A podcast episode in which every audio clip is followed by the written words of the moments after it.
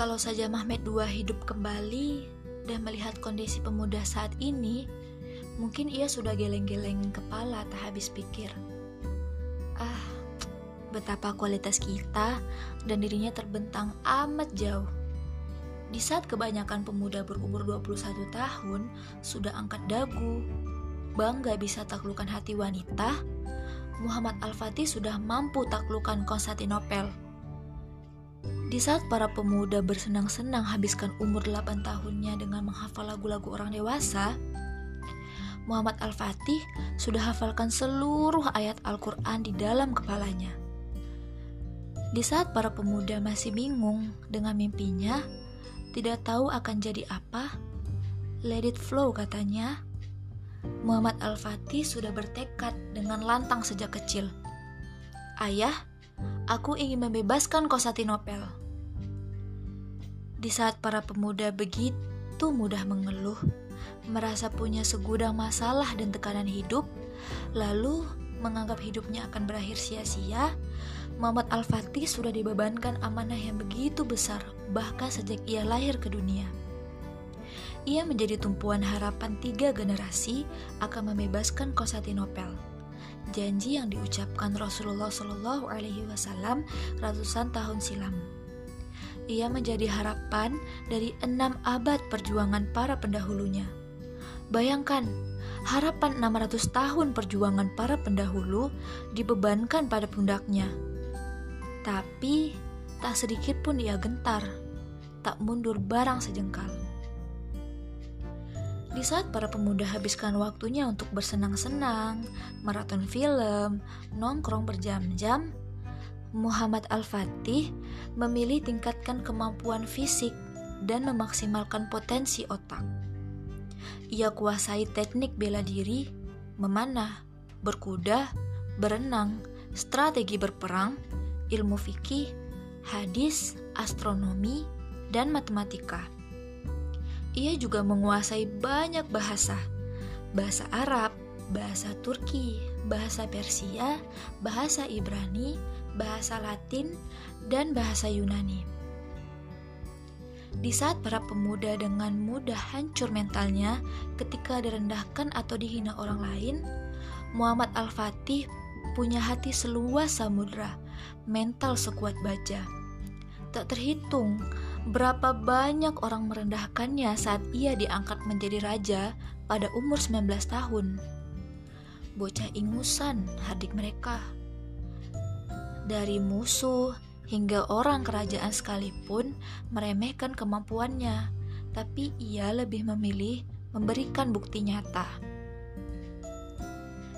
Di saat para pemuda habiskan air mata untuk kekasih hati yang tak jelas, Muhammad Al-Fatih memilih habiskan air matanya untuk memohon ampun dan panjatkan harapan.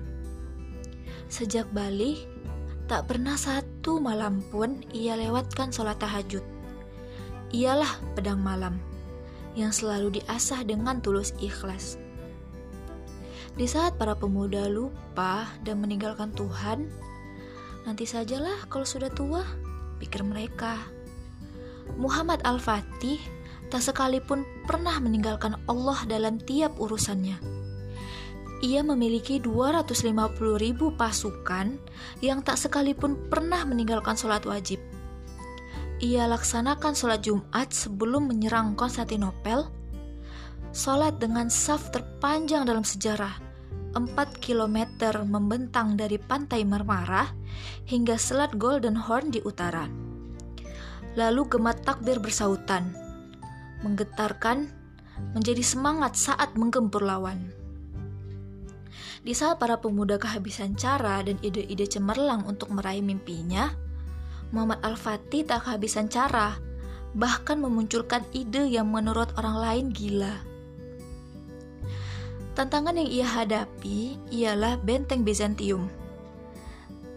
Dibatasi laut dengan pagar rantai besi, terbuat dengan teknologi terhebat pada zamannya, tak mampu ditembus selama 11 abad. Kokohnya benteng Bizantium tak membuat ia kehilangan akal. Tak bisa menyeberangkan 70 kapal lewat laut, ia lumurkan minyak pada ratusan gelondongan kayu, lalu menjalankan seluruh armada kapal di atasnya. Ratusan ribu pasukan menarik kapal melintasi bukit hanya dalam satu malam. Pagi hari menjelang, musuh kaget bukan kepalang. Benteng Bizantium yang selama 11 abad tak terhancurkan, hari itu telah mampu ditembus. Lalu saat ini, kita sadar akan benteng yang amat jauh antara kualitas pemuda saat ini dan di zaman Muhammad Al-Fatih. Kita juga sadar akan ketertinggalan yang amat jauh yang harus kita kejar.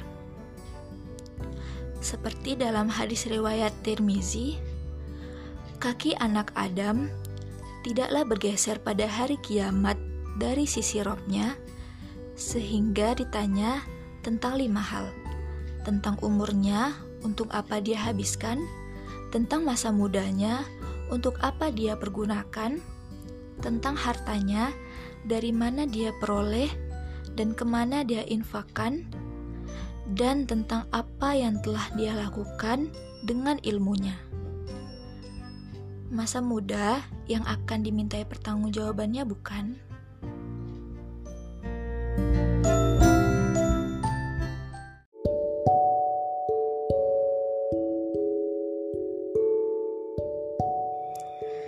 Bicara tentang status, banyak orang yang sibuk cari status.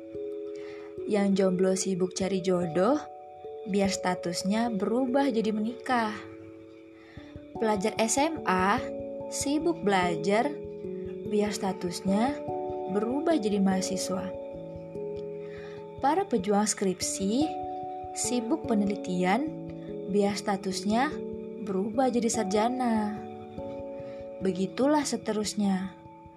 Manusia selalu sibuk mengejar status. Namun, pernahkah terfikir bagaimana statusmu di mata Allah? Tak perlulah muluk-muluk seperti Hamzah bin Abdul Muthalib. Manusia yang saat raganya di bumi, namanya sudah melesat ke langit tinggi. Tercatat sebagai singa Allah. Aduhai, singa biasa saja sudah keren, karismatik, dan menebar aroma keperkasaan. Nah, ini ada manusia yang punya status singa Allah. Kau tahu kan kisah Badar yang heroik itu? 300 lawan 1000. Nah, Hamzah komandannya.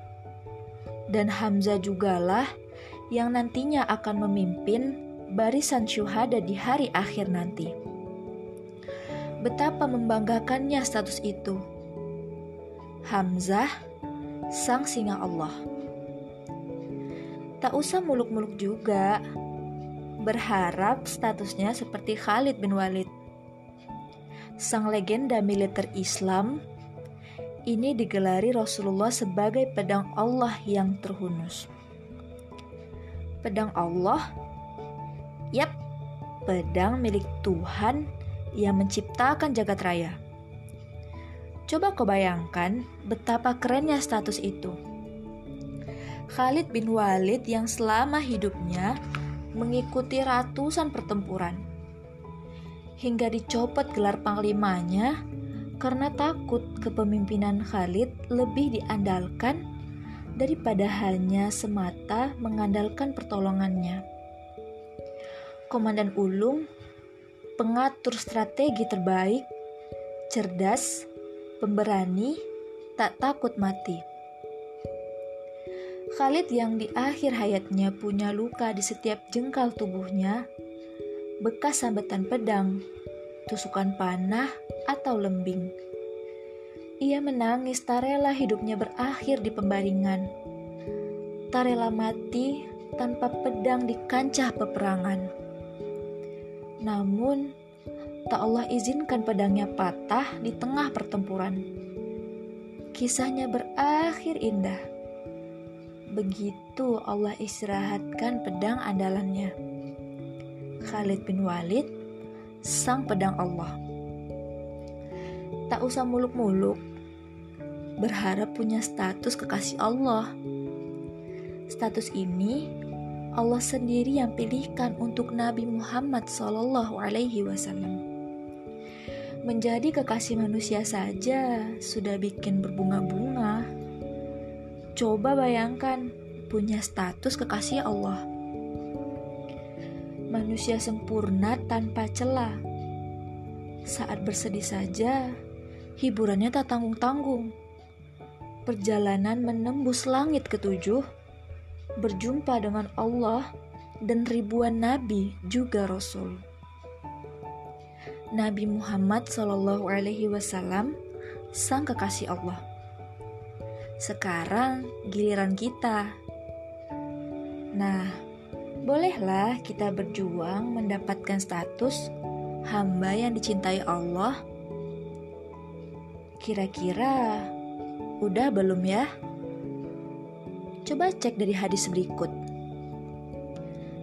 Tidaklah hambaku mendekat kepadaku dengan sesuatu yang lebih aku cintai daripada hal-hal yang aku wajibkan kepadanya hambaku tak henti-hentinya mendekat kepadaku dengan ibadah-ibadah sunnah hingga aku mencintainya.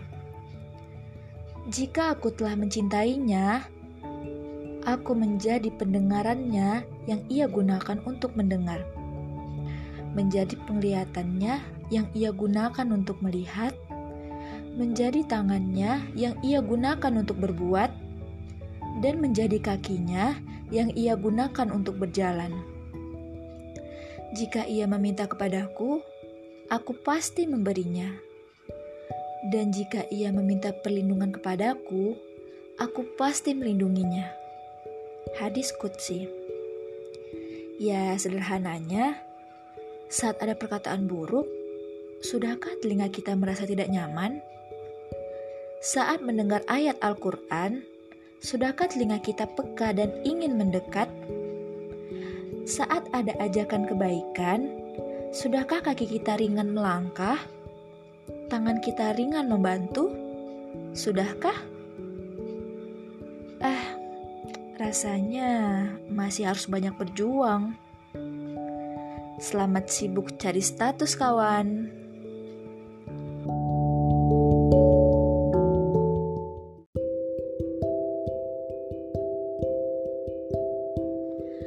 Ada tiga hal yang menjadi impian para cewek. Lamaran macam Glenn dan Chelsea, pernikahan seperti Raisa dan Hamis, atau hidup glamor seperti istri Ardi Bakri. Setuju nggak sis?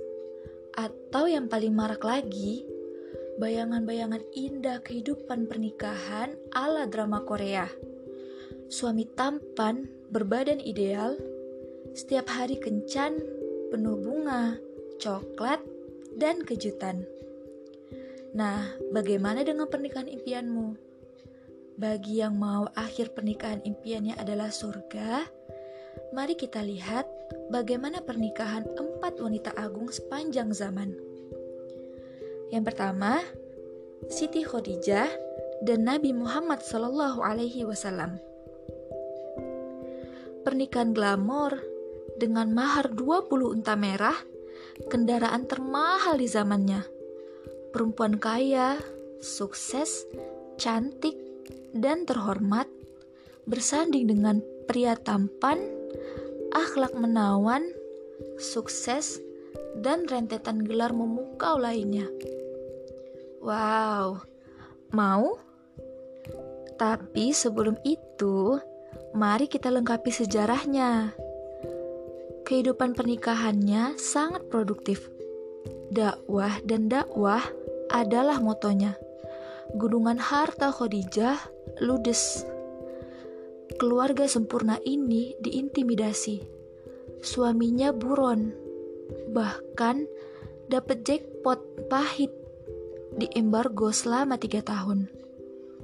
Khadijah yang cantik dan kaya berubah jadi perempuan yang kurus kering miskin, dan sakit-sakitan. Masih mau kayak mereka? Toh, akhirnya Khadijah sukses jadi istri paling dicintai Nabi Muhammad SAW Dan yang paling penting, mendapat istana dari mutiara di surga. Kedua, kisah cintanya Ali dan Fatimah. Kisah cinta mereka sering membuat banyak perempuan histeris. Siapa sih yang gak senyum-senyum baca kisah bagaimana mereka bersatu? Sebuah kisah manis di antara ribuan kisah haru pernikahan mereka rumah tangga miskin, maharnya baju besi, hidup prihatin, susah makan, baju penuh tambalan. Masih so sweet gak? Toh, dalam kesederhanaan ini, Fatimah mampu jadi supporting system Ali, sang singa Allah. Ali mampu mengaum keras, menegakkan dan melanjutkan risalah Nabi Muhammad SAW. Yap, dan Fatimah sukses meraih istana di surga. Ketiga, pernikahan fenomenal Ratu Asia dan Raja Fir'aun. Seorang istri yang berakhir tragis dibunuh suaminya sendiri. Kehidupan rumah tangganya penuh polemik. Bagaimana tidak? Suaminya mengaku sebagai Tuhan. Pengakuan yang membuat iblis tercengang karena kedurhakaannya mampu tersaingi oleh manusia.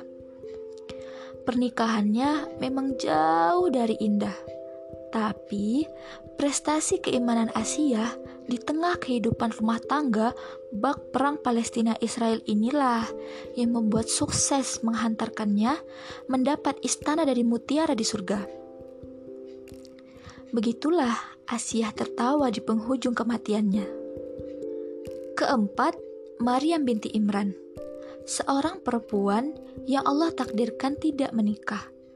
Prestasinya adalah mampu semakin beriman saat ujian besar itu datang. Perempuan suci yang selalu dekat dengan masjid. Perempuan suci yang pasang seribu badan saat didatangi pria tampan jermaan Jibril. Tiba hamil tanpa menikah. Badai fitnah menerpa Andai aku mati saja sebelum ini semua terjadi. Begitu batinnya. Namun, Maria memilih bersabar. Ia tetap mampu mendukung anaknya, Nabi Isa, menyelesaikan tugas menyampaikan risalah Islam. Namanya Allah agungkan dalam keabadian dan kesucian Al-Quran. Begitulah kisah cinta empat perempuan paling agung sepanjang zaman. Dari yang jomblo seumur hidup, bersuamikan manusia paling durhaka, hingga kekasih manusia kesayangan semesta, ada. Dari sini kita tahu, hal terpenting dari pernikahan impian ternyata bukan tentang dengan siapa kita bersanding. Apa mahar kita? Atau bagaimana romantisnya hidup berdua dengannya. Ternyata ini tentang kita. Yap, kita sebagai hamba Allah dalam ketaatan beribadah padanya.